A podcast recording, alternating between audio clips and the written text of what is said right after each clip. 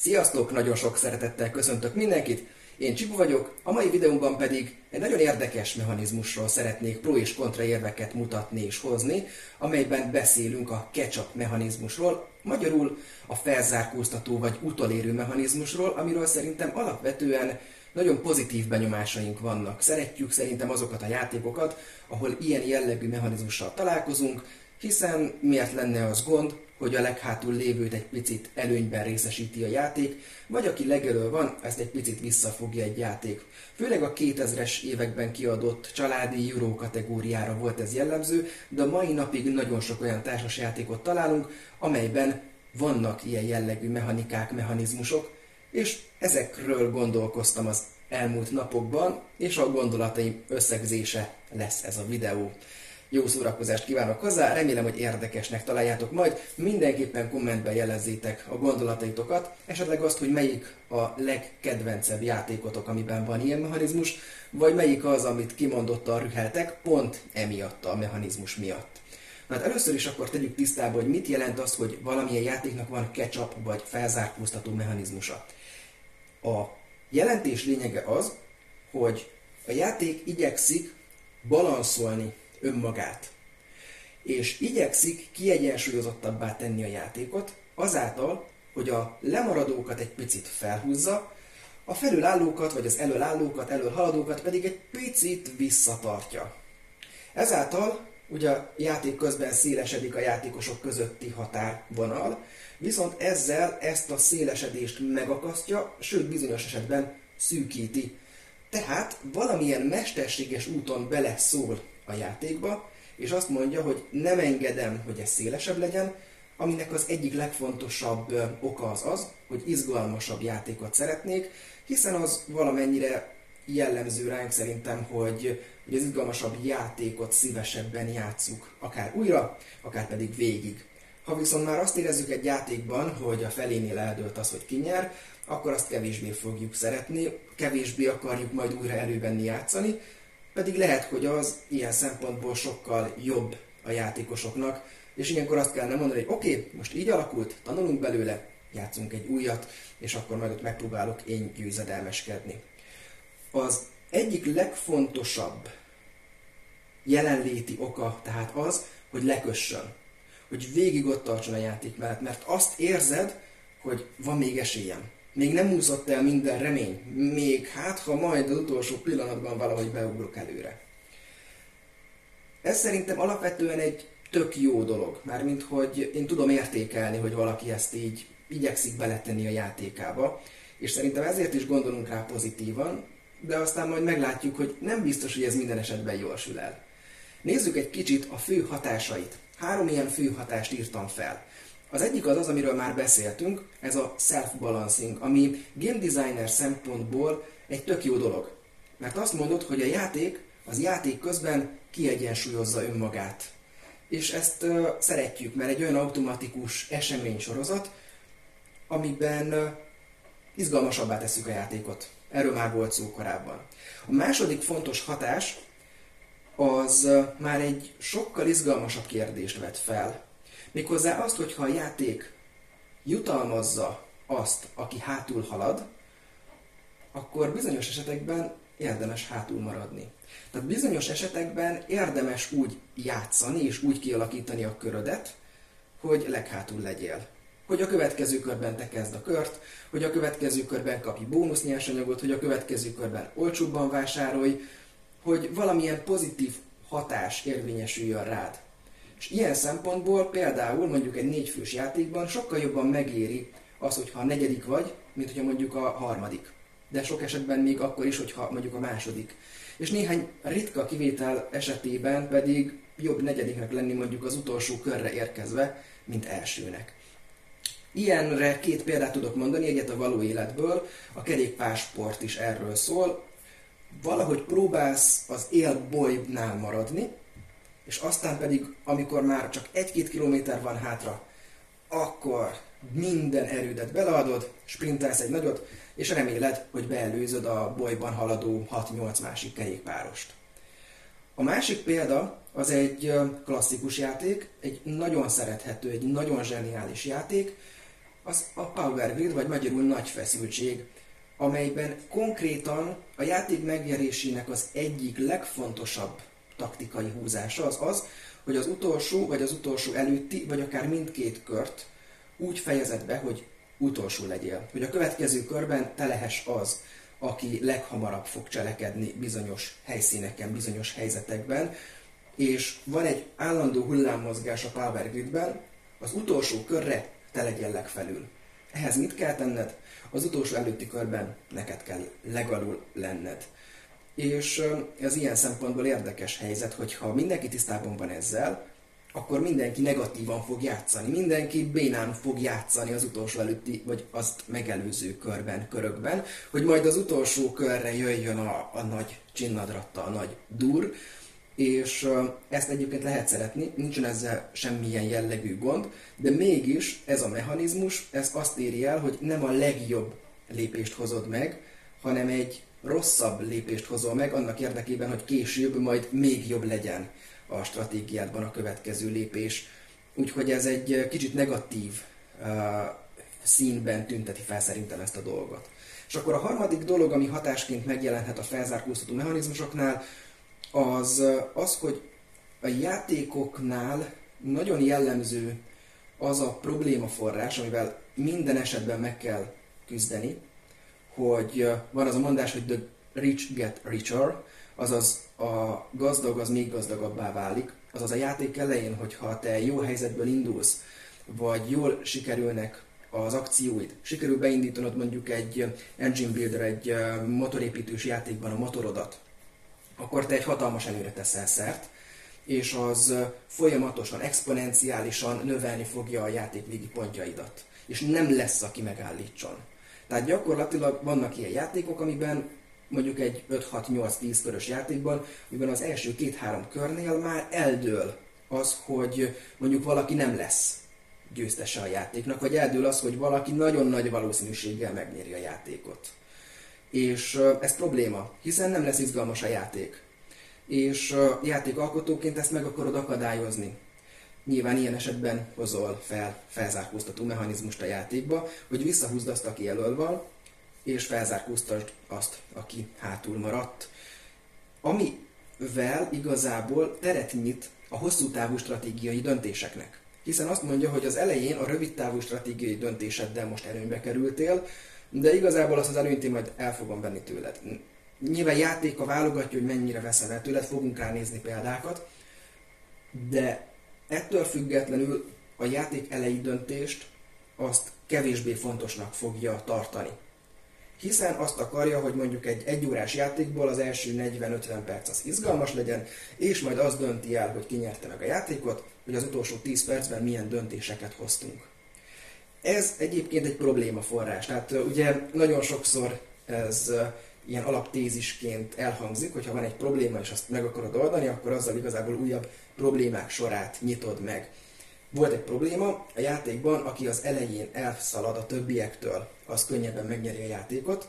Ezt vissza akarjuk fogni, ezért beleteszünk egy felzárkóztató mechanizmust, ami miatt viszont a rövid távú döntések ereje az lecsökken. Ami azt jelenti, hogy a döntéseim között lesz súlyozás. Bizonyos döntések kevésbé lesznek fontosak, lényegesek a játékban a győzelem szempontjában, mint más döntések. Tehát bizonyos elemei játéknak devalválódtak, elértéktelenedtek, akár így a játék elejé dolgok. Nem kell annyira pontosan odafigyelnem, nem kell annyira kiszámolgatnom. Úgyhogy ezek a hatásai nem feltétlenül pozitívak sajnos. Mi a következtetés mindebből? Négy következtetést írtam fel. Tehát, hogyha van játék, amiben problémaként megjelenik az, hogy nem elég izgalmas, valaki nagyon elszalad, és ezért úgy próbálják megoldani azt, hogy felzárkóztató mechanizmust hoznak a játékba, akkor az azt jelenti, hogy A verzió túl hosszú az adott játék.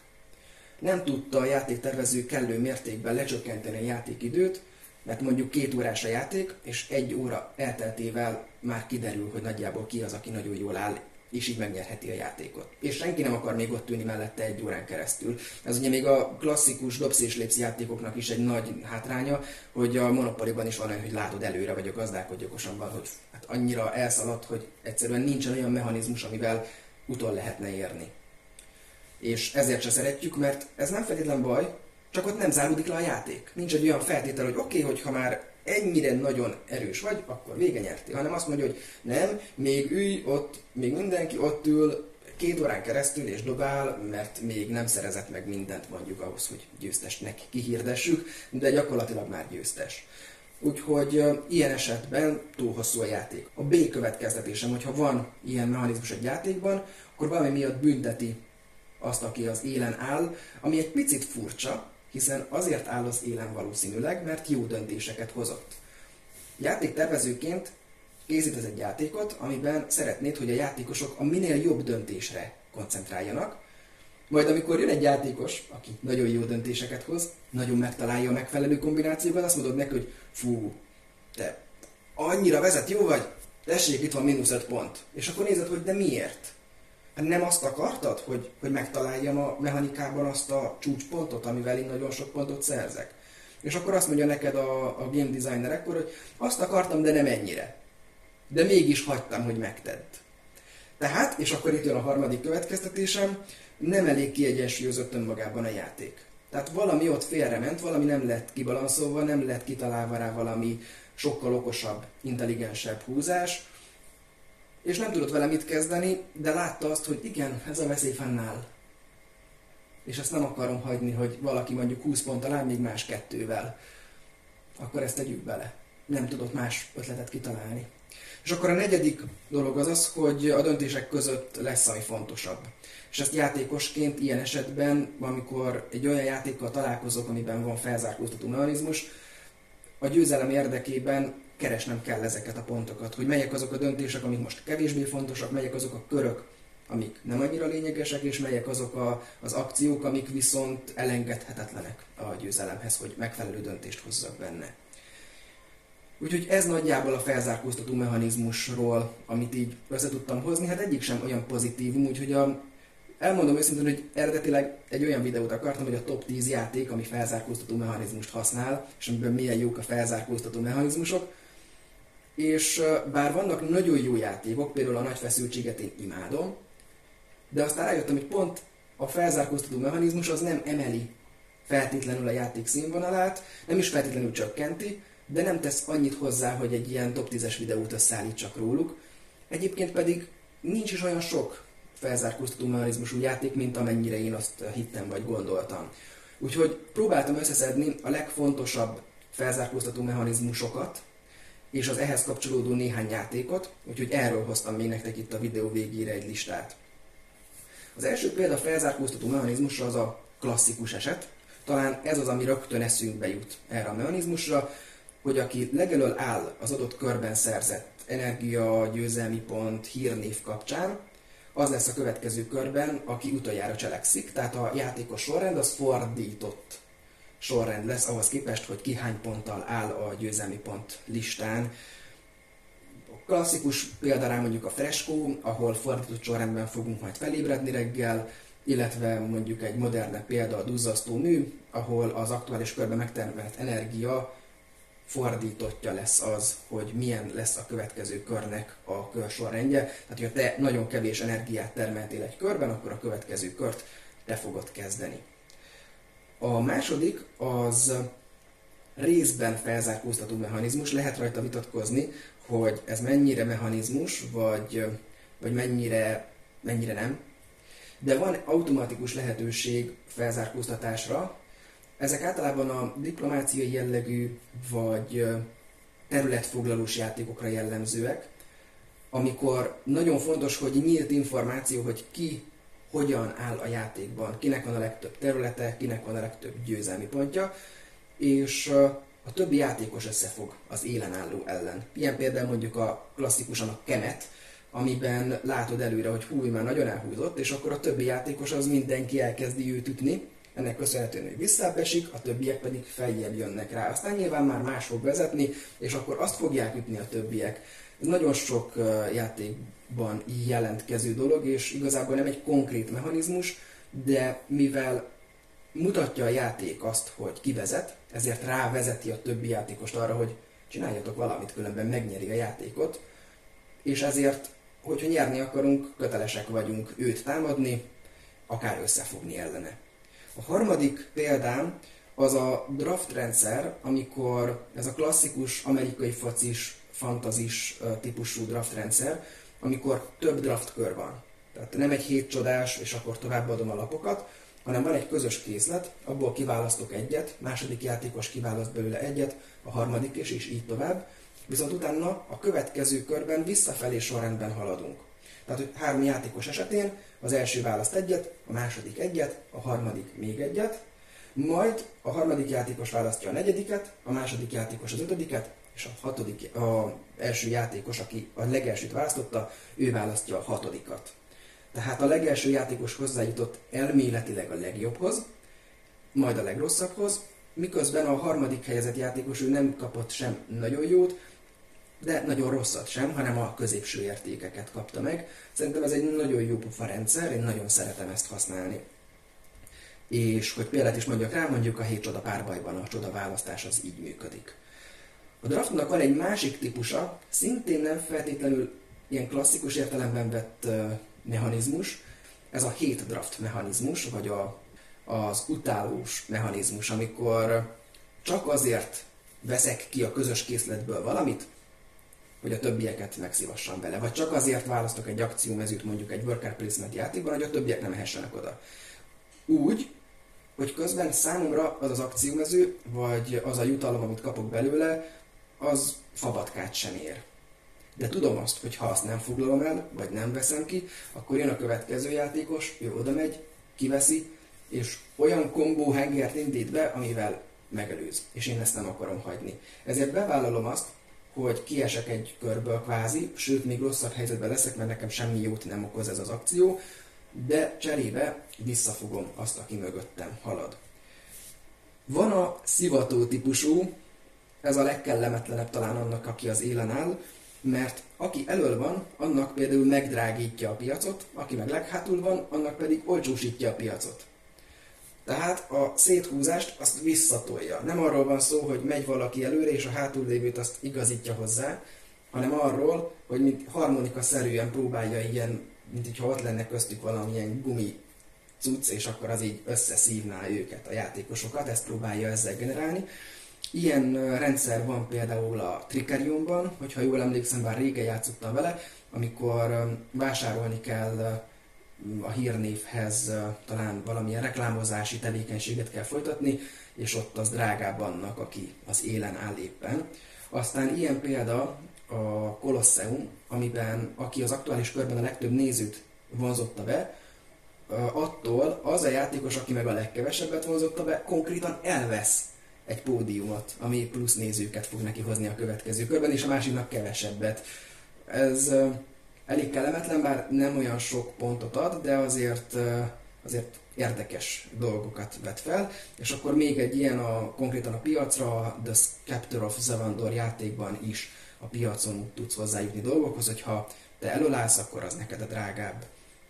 És akkor van még kettő. Az egyik az a pontsalátás mechanizmus, ami ami szintén nem konkrétan ilyen ketchup vagy felzárkóztató mechanizmus, de a célja az nagyon hasonló. Nem fogsz azért máshogy játszani, és játék közben nem kapsz bónuszt, vagy nem kapsz mínuszt attól függően, hogy hogy állsz, viszont elhiteti veled azt a játék, hogy nagyon jól játszol. A pontcsalátás játékoknak a lényege, hogy a végén mindent is lepontozunk. Nagyon sok pontot fogsz kapni. Ilyenek például Stefan Feld játékok, de nagyon sok ilyen egyszerű roll and játék van, amiben vagy például kártyás játék van, szedgyűjtögetős kártyajáték, vagy akár ilyen a hét csoda is, ahol a végén mindenre pontot kapsz. De tényleg mindenre pontot kapsz, és akkor olyan végeredmény lesz, hogy 160-140. 20 pont különbség. És akkor azt mondod, te mint vesztes, 140 ponttal, hogy hm, csak 20 pont volt a különbség, az nem is olyan sok. És boldog vagy a játék végén, mert, mert olyan, olyan kellemes érzést ad, hogy mégis elértél 140 pontot, tehát az már, az már valami. Ő 160-at, oké, okay, ő nyert, ügyesebb volt. Na de a pontcsalátás játékokban nagyon sokszor, hogyha megnézzük, akkor ha mindig a legrosszabb döntést hozzuk, akkor is szerzünk 80-100 pontot. Tehát ez egy kicsit ilyen trükkös, pszichológiai trükkös dolog a pontcsalátás játék, hogy elhiteti veled, hogy izgalmas volt, hogy közel álltak egymáshoz a játékosok, de valójában mivel mindenre pontot kaptál, ezért az a 20 pont különbség is igazából egy hatalmas erőfeszítésébe került annak, aki nyerte a játékot. És ott pedig őt ezt nem mutatja meg neki annyira, mert azt szeretné a game designer, hogy a játékával minél többet játszanak, és így legközelebb szívesebben leülsz vele, hogy hát legutóbb is csak 15 ponttal kaptam ki, az végül is belefér. És akkor van még egy, amivel szintén elég sokat lehet vitatkozni, és ezt úgy neveztem el, hogy tempó hátrány felzárkóztató mechanizmus, amikor szintén nem egy konkrét erősítést vagy hátráltatást ad a játék, hanem azt mondja, hogy az élenálló, aki elméletileg előnyben van a többiekhez képest, az tempó hátrányt fog szenvedni. Két játékot mondok erre példának, az egyik a 18XX típusú mozdonyos, vonatos játékok, amiben a mozdonyaink folyamatosan elavulnak, és ügyesen kell őket cserélgetni, tehát hiába szereztél az elején megfelelő mozdonyokat, gondoskodnod kell az utánpótlásról folyamatosan. A másik ilyen jellegű catch mechanizmus, az pedig a Dominion, vagy a Dominionhoz hasonló játékok, ahol a játék egy bizonyos pontján döntésre kell jutnod azzal kapcsolatosan, hogy most már elkezded-e a győzelmi pont gyűjtést. És a játék győzelmének a kulcsa, hogy egy bizonyos ponton azt kell mondani, hogy most már nem pénzt kérek. Most már nem olyan kártyát kérek, ami segít a motoromban vagy a játékomban, hanem most már bizony olyan kártyát kérek, vagy olyan tokent kérek, ami győzelmi pont lesz. És a Dominion ez erre egy nagyon jó példa, mert ott a játék megnyerésének a kulcsa abban áll, hogy megtalálod ezt az időzítési pontot. Ugyanis, hogy a túl hamar kezded el a megszerzett pénzkártyáiddal vásárolgatni a győzelmi pontkártyákat, akkor te nyilvánvalóan pontban előnybe kerülsz a többi játékoshoz képest. Viszont bővül vele a paklid, és a következő körökben egyre kisebb eséllyel tudod majd a kombóidat arra használni, hogy ismét vegyél győzelmi pontértékű lapokat. De hogyha túl sokat vársz, akkor pedig hiába építettél fel egy tök jó rendszert, már nem lesz elég időd arra, hamarabb véget ér a játék, hogy kellő számú győzelmi pontkártyához juss, amivel megnyered a játékot. És ez egy tök érdekes dolog, hogy úgy húzza vissza a játékost, azt, aki az élen állt, és aki leghamarabb tudott elkezdeni győzelmi pont kártyákat szerezni, hogy ezáltal az, aki hátrányban van, az is egy picit fel tud zárkózni utána. Tehát eh, én ezért is neveztem tempó hátránynak, hogy tempó előnyben vagy, kérdés, hogy majd ezt mennyire tudod kamatoztatni, és biztos, hogy már rögtön, amikor tudsz venni győzelmi pontos lapkát vagy kártyát, akkor megteszed-e, vagy inkább még kivársz, hogy nem kell annyira az a, az a tempó előny, inkább még jobban erősíted a paklidat. Hát ezek lettek volna a példáim. Alapvetően az lett itt a következtetésem, hogy nagyon oda kell figyelni erre a felzárkóztató mechanizmusra, mind játékosként, mind pedig game designerként.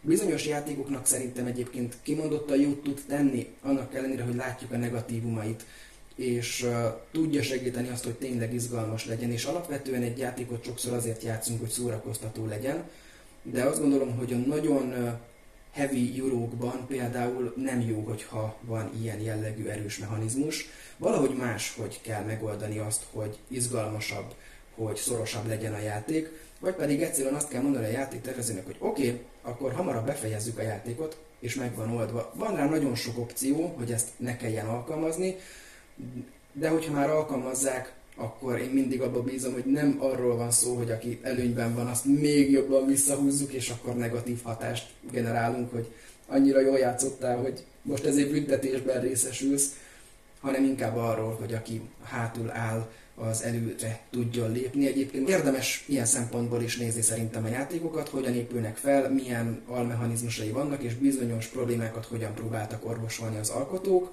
Vannak kimondottan jó megoldások felszárkóztató mechanizmusra is, de azért, hogyha komolyabb játékokkal játszunk, akkor én azt jobban szeretem, hogyha nincs benne ilyen felzárkóztató mechanizmus, hanem arra ösztökél a játék, hogy legközelebb játszak még jobban, sajátítsam el a játékhoz kellő tudást még jobban, a szabályrendszert még jobban, gondolja ki, találja ki új kombinációkat, mint mondjuk a, itt ránézek a korokonát dobozra, és igyekezzek úgy ismét nyerni.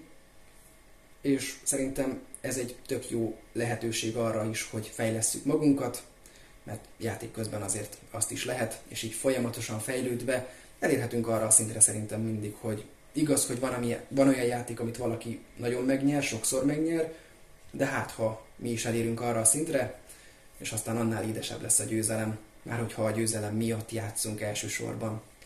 Nagyon szépen köszönöm a figyelmeteket, ha még nem tettétek meg, akkor nézzétek meg azt a videómat, ahol game design egyéb szempontjairól beszélek, például, hogy hogyan alkossunk meg egy játékot, vagy éppen azt a podcastet, amiben Draft Petivel beszélgettünk arról, hogy mi a győzelem egy játékban, hogyan kezeljük a győzelmet, és valójában mennyire fontos a győzelem és ennek a kezelése egy-egy játékpartinál. Örülök, hogy velem tartottatok, remélem találkozunk legközelebb is, addig is játszatok sokat, mert játszani nagyon jó. Sziasztok!